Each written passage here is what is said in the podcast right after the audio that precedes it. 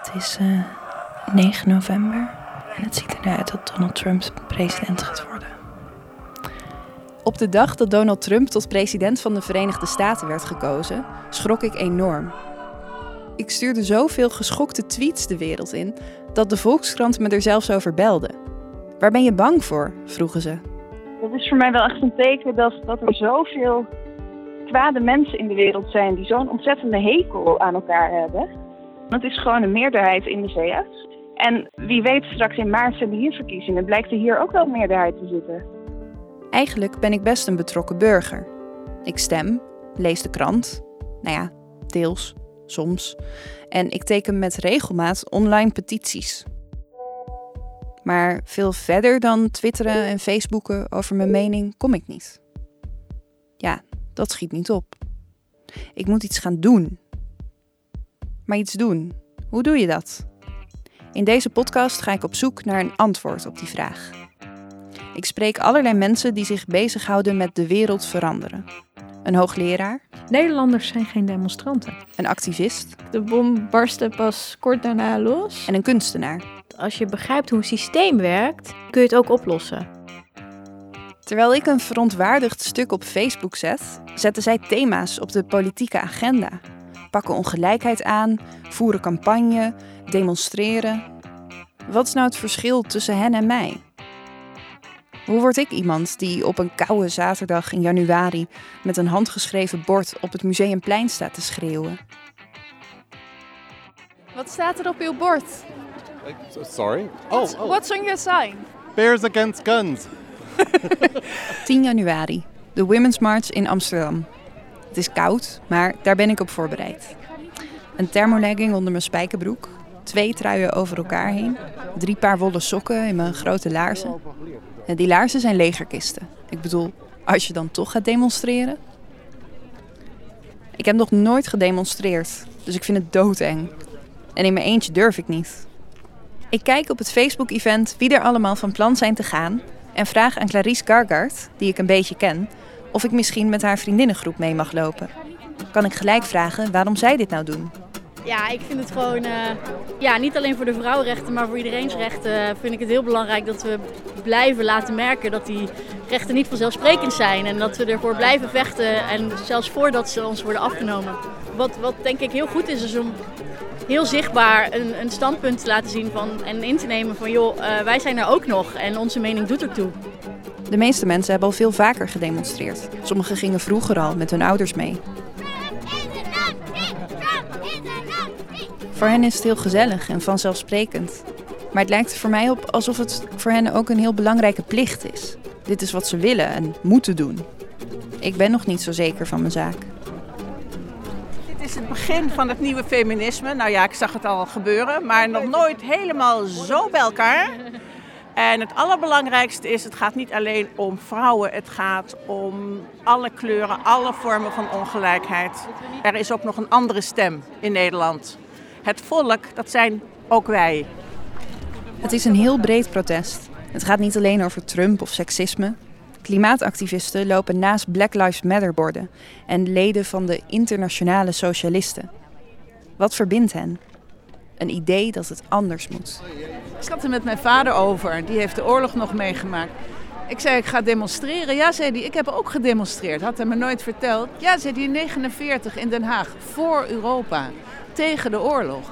En ja, ik wil niet zeggen dat we morgen oorlog hebben, maar ja, ik bedoel, het is, daarom staan we hier. Het wordt zo spannend. We lopen in een lange rij naar de Amerikaanse ambassade en roepen... Ho, ho! Donald Trump has got to go! Hey, hey! Ho, ho! Donald Wilders has to go! Dan draait Clarice de rollen ineens om en begint mij te interviewen. En waarom ben jij hier eigenlijk? Ik, um, alles wat iedereen zegt. Ja. maar ook, ik merk ook dat ik het heel moeilijk vind. Het is mijn eerste protest. Echt waar? Als ik dan, ja. Nooit eerder geprotesteerd? volgens mij niet. Nou, dat verbaast me niet omdat ik denk dat iedereen dat heeft gedaan, maar omdat je best wel een bewogen, Ja, politiek betrokken. Ik ben dus meer van het in bent. een kamer zitten en dan een stuk erover schrijven en daar dan heel boos in worden. Ja, ik heb hetzelfde als jij. Of in de zin van dat ik graag eh, in kamer opsluit en me boos maak door dingen te schrijven. Of ehm, en omdat we natuurlijk in de media werken, journalisten zijn of wat dan ook. Ja. Maar ik denk dat there's power in numbers. Het is heel belangrijk als je zeg maar je, je wil laten gelden, dat je je ook fysiek laat gelden. En Ja. niet alleen maar ehm, ja, door, door, door via de pen of zo. Ik denk dat je gelijk, maar het is, ik, ja, ik ben dat nu echt aan het, aan, ja, daarachter aan het komen. Ik denk dat ik ook heel veel verlegenheid en zelfbewustzijn heb. Ja. Dus ik ben dan nu ook aan het meeroepen en dan na twee keer denk ik, oh, ik vind het zo ongemakkelijk. Ja, ja, nee, ik snap het hoor. Dat is ook wel iets waar je overheen moet stappen of zo. En ik denk niet, je hoeft ook niet helemaal mee te scanderen. Denk ik. ik denk dat je ook alleen er kan zijn en er kan staan en kan meelopen, zeg maar, op je eigen manier. Je hoeft het niet te doen zoals iedereen dat doet, maar Ja, aanwezigheid op je eigen manier, dat is wel heel veel waard, denk ik. ja precies. Als je ergens in gelooft, dan moet je er ook voor gaan. Dat begrijp ik wel. En ik kan me voorstellen dat het ook heel gezellig wordt. Als je steeds met hetzelfde clubje mensen kan gaan. Maar het is me nog niet helemaal duidelijk wat nou het nut van demonstreren is. Dan staan al die mensen daar. En dan? Voor zover ik het kan zien, gebeurt er niks mee. Maar volgens Jacqueline van Stekelenburg, hoogleraar sociologie, gebeurt er wel degelijk iets. Ja hoor, ik wil nog wel even wat zeggen. Jacqueline komt net iets te laat haar kantoor in. En nog voor ik mijn tas heb neergezet, is ze druk aan het typen op haar laptop. Over een kwartier heeft ze haar volgende afspraak via Skype. Jacqueline doet onderzoek naar protest en demonstratie. En omdat er sinds de verkiezing van Donald Trump elke week wel ergens gedemonstreerd wordt, zit haar agenda vol interviewverzoeken. En als we nou kijken naar de Women's March, wat, wat denk je dat het betekent dat mensen in Nederland protesteren tegen het regime van de Verenigde Staten? Oh, maar dat gebeurt heel vaak. Ja? Ja, dat is heel gebruikelijk. Dat noemen wij solidariteitsprotesten. Eh, als je dus demonstreert omdat er iets echt tegen je norm- of waardesysteem ingaat. Ehm, tegelijkertijd denk ik dat er in Nederland ook nog wat anders speelt. En dat is ehm, dat er eh, door Noord-Europa een, ehm, een populistische wind waait. En dat mensen zich ongerust maken van wat staat ons te gebeuren. En denk je dat het ook effect heeft, die protesten? Wat, wat gaat er dan gebeuren in Nederland? Ja, dat is een interessante vraag. Ehm, er gebeuren altijd een hele hoop dingen tegelijkertijd. En wat is dan het effect van die ene demonstratie? Het is heel moeilijk om dat eruit te, s- uit te zuiveren. En ehm, je kan je ook afvragen, wat is eff- effect eigenlijk? Effect is ehm, dat politici eh, bereid zijn om eh, water bij de wijn te doen. En eh, dat bijvoorbeeld je baas toch wel die salarisverhoging doorzet. Eh, dat je probeert om de publieke opinie te beïnvloeden. Dat het in de krant komt. Dus is ook belangrijk. Hè? Making it to the news is een belangrijk aspect bij protest. En daarmee neemt de awareness toe, dat mensen ervan weten. En voor politici is dat ook belangrijk. Want als zij het gevoel hebben van... hé, hey, de publieke opinie gaat meer naar A of meer naar B toe... dan zijn zij ook eerder geneigd om een stapje die kant op te zetten. Want politici willen herkozen worden. Dus ehm, je ziet dat er verschillende effecten zijn... die eh, indirect of direct met elkaar te maken kunnen hebben. Oké, dus effect komt in allerlei vormen en maten. Maar dat maakt het wel een beetje onzichtbaar. Neem Occupy. Die tentjes die werden opgezet op het Beursplein in Amsterdam. Dat zag er heel avontuurlijk uit, maar na een maand of wat waren ze weer weg en was er niks veranderd. Veel mensen die ik spreek, die zeggen: ja, maar kijk nou naar Occupy, dat heeft toch ook nergens toe geleid. Bent u het daarmee eens? Nee, daar ben ik het niet mee eens. Nee, nee, dat is echt niet waar. Want ik weet van een heel mooi onderzoek in Amerika, wat kijkt van, uh, nou, als je denkt aan Occupy, wat was het woord waar het om draaide? Het frame was inequality, ongelijkheid. En er was een exponentieel groot verschil. Er werd veel en veel meer geschreven over ongelijkheid. Um, dus weer even terug van wat is nou eigenlijk effect als je um, het serieus neemt dat het noemen in het nieuws dat dat van invloed is op uh, hoe mensen erover denken en hoe mensen erover praten en of er in de politiek meer over gesproken wordt, ja, dan kunnen we nu dus zien dat het wel degelijk effect gehad heeft. Maar alleen praten en denken, dat is niet genoeg. Geen woorden, maar daden, denk ik dan. Nee, dat is helemaal waar. Er moet actie komen. Uh, maar um, er komt geen actie zonder dat mensen erover nadenken. Dus wat heel belangrijk is als je nadenkt over actie, dat um, wat belangrijk dan is, is dat je een grote sympathisante pool hebt. Dus wat je altijd ziet, het is maar het topje van de ijsberg die uiteindelijk de straat op gaat, in actie komt. Uh, en dan is die top is uiteindelijk groter. Dus als er 500.000 man in Den Haag staat, dan is de pool onder water is, veel en veel groter. En dat is belangrijk. Dus uh, wat heb je nodig om die sympathisantenpool te vergroten? Dat er over gesproken wordt. Dus het is wel heel belangrijk. Dat is denk ik wat heel veel mensen zich niet realiseren: dat er maar een hele kleine minderheid uiteindelijk wat doet. Dus het is belangrijk dat je dan een hele grote sympathisantenpool hebt, omdat maar een klein gedeelte uiteindelijk wat gaat doen. Van de 3000 mensen die naar de Women's March kwamen, zijn er misschien een paar die een actie op touw zetten. Ik ken een daarvan toevallig. Ze is haar eigen campagne begonnen, Stem op een vrouw, en zet zich al een paar jaar in tegen racisme. Uh, nou, het begon in 2012 of 11. Toen ging ik naar een expositie, dat heette Zwart van Roet, over Zwarte Piet. En toen kwam ik daar binnen en het was een soort van vitrinekasten met allemaal oude paraphernalia van uh, al die karikaturen van, van zwarte mensen eigenlijk. En daar zag ik Zwarte Piet toen naast en dan is het opeens heel erg duidelijk. En dan sla je jezelf een beetje voor je kop van, oh ja, hoezo heb ik dat niet eerder gezien? En eigenlijk is dat denk ik nog steeds mijn drijfveer. Omdat ik toen merkte van wauw, er is dus van alles aan de hand waar mensen in Nederland last van hebben wat je helemaal niet ziet. Dit is Devika Partiman. 29 jaar, Amsterdammer. Kind van een Surinaamse vader en een Nederlandse moeder. En um, strijder tegen sociaal onrecht. die strijd voor rechtvaardigheid, die blijkt in de familie te zitten. Direct na die expo heb ik mijn vader gebeld, die Surinaams.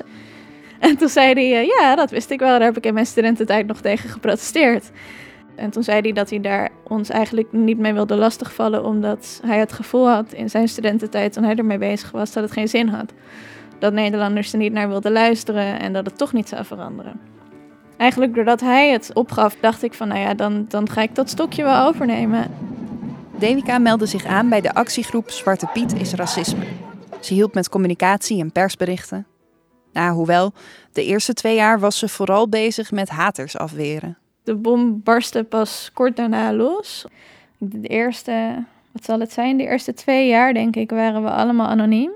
Omdat er zoveel bedreigingen kwamen en, en zoveel bagger. Dat het niet veilig voelde om te zeggen wie wij waren.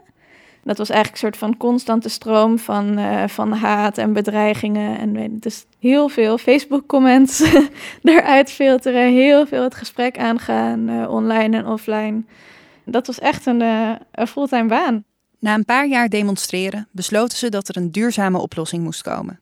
Iets dat verder ging dan protest. Je kan wel Zwarte Piet afschaffen, maar op het moment dat mensen niet snappen waarom het weg moet, heb je eigenlijk nog steeds niks opgelost. En een van ons is leraar, Roelof Jan. En die zei, laten we dan een lespakket maken. Om ook gewoon mensen te laten zien van... hé, hey, er zit sowieso een hele geschiedenis achter dit feest. Die we ook niet allemaal meer weten. Uh, en op het moment dat je een beetje mensen hun geest openzet voor... oh, er is iets over Sinterklaas wat ik niet weet. Zoals dat hij bijvoorbeeld niet uit Turkije komt. Van dat bestond toen nog niet. En weet je, dat soort kleine feitjes dan kan je best wel mensen prikkelen om daarna naar je te luisteren als je verder gaat uh, over de geschiedenis. Inmiddels is Devika ook overtuigd feminist en lid geworden van een politieke partij. Het ging eigenlijk van Zwarte Piet naar, oh ja, wacht, er is racisme, naar, oh ja, er is ongelijkheid. Dat proces maakte ik mee en um, dus ik werd me langzamerhand steeds meer bewust van, uh, van mijn omgeving, van kleine dingen die ik zag waarvan ik dacht, hier klopt iets niet. Ja, ik probeer eigenlijk, denk ik, als ik er zo over nadenk, mensen hetzelfde bewustwordingsproces te geven als ik zelf heb gehad. Zodra je je over een onderwerp druk maakt, verspreidt dat activisme zich als een olievlek. Want als je eenmaal ergens de vraag hebt gesteld: waarom is dit zo? Dan blijf je hem stellen. En zo gaan de raderen draaien. 1, 2, 3. Een bewustwordingsproces treedt in werking. Het is een manier van kritisch vragen stellen die actievoerders gemeen hebben met filosofen, wetenschappers en kunstenaars. Bijvoorbeeld Tinkerbell. Vragen stellen is de basis van haar werk.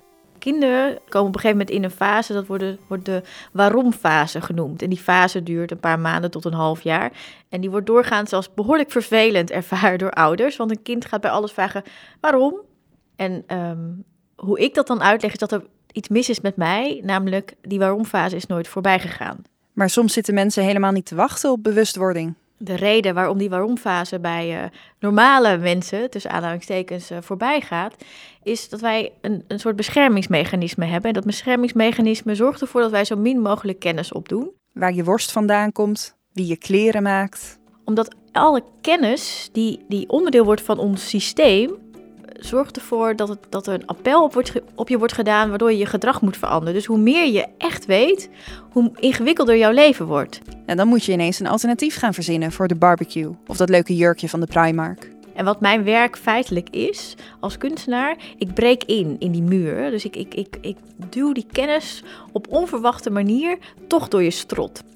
Tinkerbell werkt in een oud schoolgebouw in Amsterdam-Oost. Buiten zijn mensen met hout en bijlen in de weer en binnen staat een kan koffie klaar.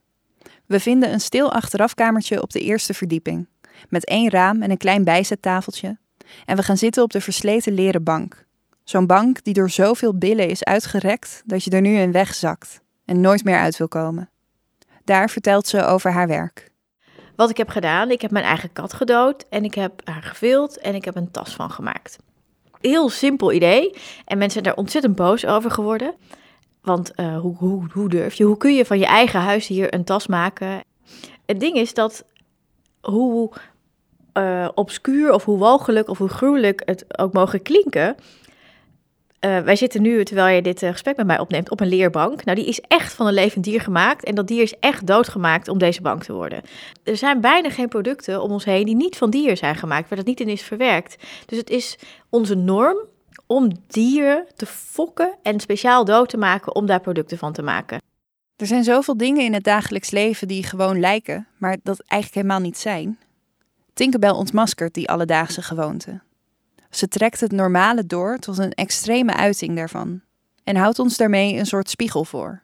Goebbels zei dat de beste manier van propaganda uh, is een, een vorm waarin mensen propaganda niet ervaren als propaganda, maar waarop mensen denken dat ze het zelf hebben bedacht. Er wordt niet verteld wat je moet doen, maar jij komt in een situatie terecht waarin jij zelf bedenkt wat je moet doen.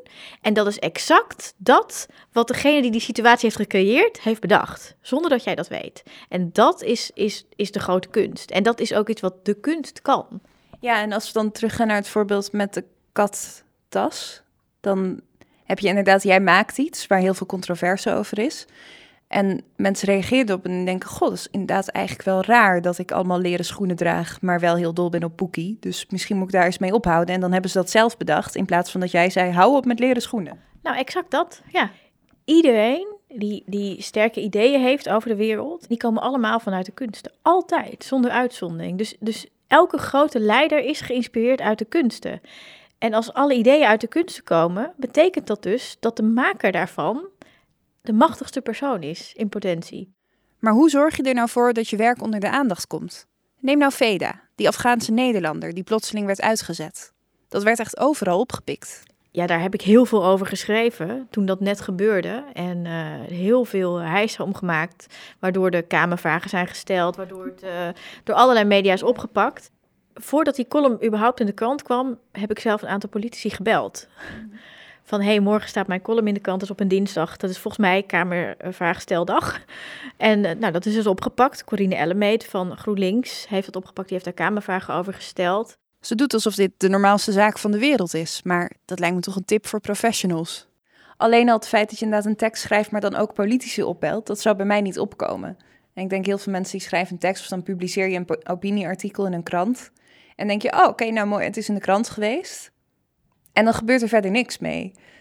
Nou, nu je dit zo zegt, wat me, wat me wel opvalt is dat je hoort mensen heel vaak zeggen, eh, die lui in Den Haag die doen maar wat. En, en, en uh, we zijn niet betrokken bij het volk en uh, politici die hebben geen idee wat er speelt in het land, et cetera. En die mensen zou ik om te beginnen willen vragen, word lid van een politieke partij. Dat zou, dat zou mijn eerste advies zijn. Sterker nog, ik zou zeggen, word lid van een politieke partij met, waarmee je het oneens bent. Want op het moment dat je lid wordt van zo'n partij, dan mag je inspreken, mag je moties indienen en kun je suggesties doen en kun je meepraten. En kun je dus um, de inhoud van zo'n partijprogramma kun je meebepalen. Ik ben lid van heel veel partijen, uh, dus ik, dat weet ik uit ervaring dat dit werkt. Dus to start with, dit kun je doen. De meeste mensen die zijn nog nooit naar een politiek debat geweest. Terwijl debatten in de Tweede Kamer zijn gewoon publiek. Je kunt daar op de tribune zitten, je kunt daar rondlopen, je kunt politici zelf aanspreken. Op het moment dat je een punt hebt wat je kunt motiveren, dan zal er zeker naar je worden geluisterd. Dat gegarandeerd. Echt, wat vaak gedacht wordt, is dat politici daar maar voor zichzelf zitten en, en maar wat doen. Waar ik mijn hand voor in het vuur steek, is dat die 150 mensen die in die Tweede Kamer zitten, één ding gemeenschappelijk hebben. En dat ze het beste met Nederland voor hebben. En kijk, we zijn het waarschijnlijk over oneens wat het beste voor Nederland is. Oké, maar ze hebben wel het beste met dit land voor. En op het moment dat, dat we eigenlijk allemaal hetzelfde willen, namelijk het beste voor dit land, dan kunnen we praten. Doe dat. Praat met die mensen. En dat heeft, dat heeft gewoon impact. De politiek is zo benaderbaar in Nederland. Ik zoek nu natuurlijk veel mensen op die op de een of andere manier heel actief zijn en veel dingen doen en veranderen ook. En dan denk ik, wat, wat maakt hen nou anders dan mij? En ik denk dat ik bijvoorbeeld veel meer twijfel aan mezelf. Of steeds denk, ja, is dat nou wel een goed idee en moet ik dat nou wel doen? En daardoor blijf je ook een beetje uh, passief. Tinkerbell heeft daar geen last van. Ze heeft zo haar eigen motto. Hoe jij als individu in je eentje elk willekeurig probleem kunt aanpakken en oplossen. Met eigenlijk een hele simpele formule. Een rekensom die bestaat uit twee delen. Voldoende tijd en voldoende effort. Maar als je die twee combineert, dan los je alles op. Altijd. Je moet dan wel een, een vertrouwen in jezelf hebben dat mij misschien op dit moment in mijn leven nog wat, wat vreemd is. Nee, dat, dat heeft echt niets met vertrouwen te maken. Dat, dat is echt nogmaals, nadruk op voldoende tijd, voldoende effort. En op het moment dat het nog niet is gelukt, dan, zijn er, dan is het nog niet voldoende geweest. Nou, dat is eigenlijk heel simpel. Ja. En dat kan iedereen. Is dit nou echt zo? Ben je nooit... Ik, ik probeer meestal... Ja, ben je nooit te neergeslagen? Of dat je denkt, oh god, het lukt niet meer? Ik heb ook wel eens dagen dat ik denk, oh man, ik wou dat dit al klaar was. Dan moeten we weer verder. Maar ik heb nog nooit gedacht, oh, dit lukt niet. Daar heb ik geen last van. Nee, mooi. Oké, heel erg bedankt. Ja, graag gedaan. Succes. Komt goed.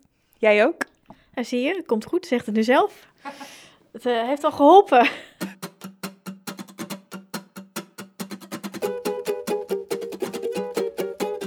Waar je mee omgaat, daar word je mee besmet, zegt mijn moeder altijd.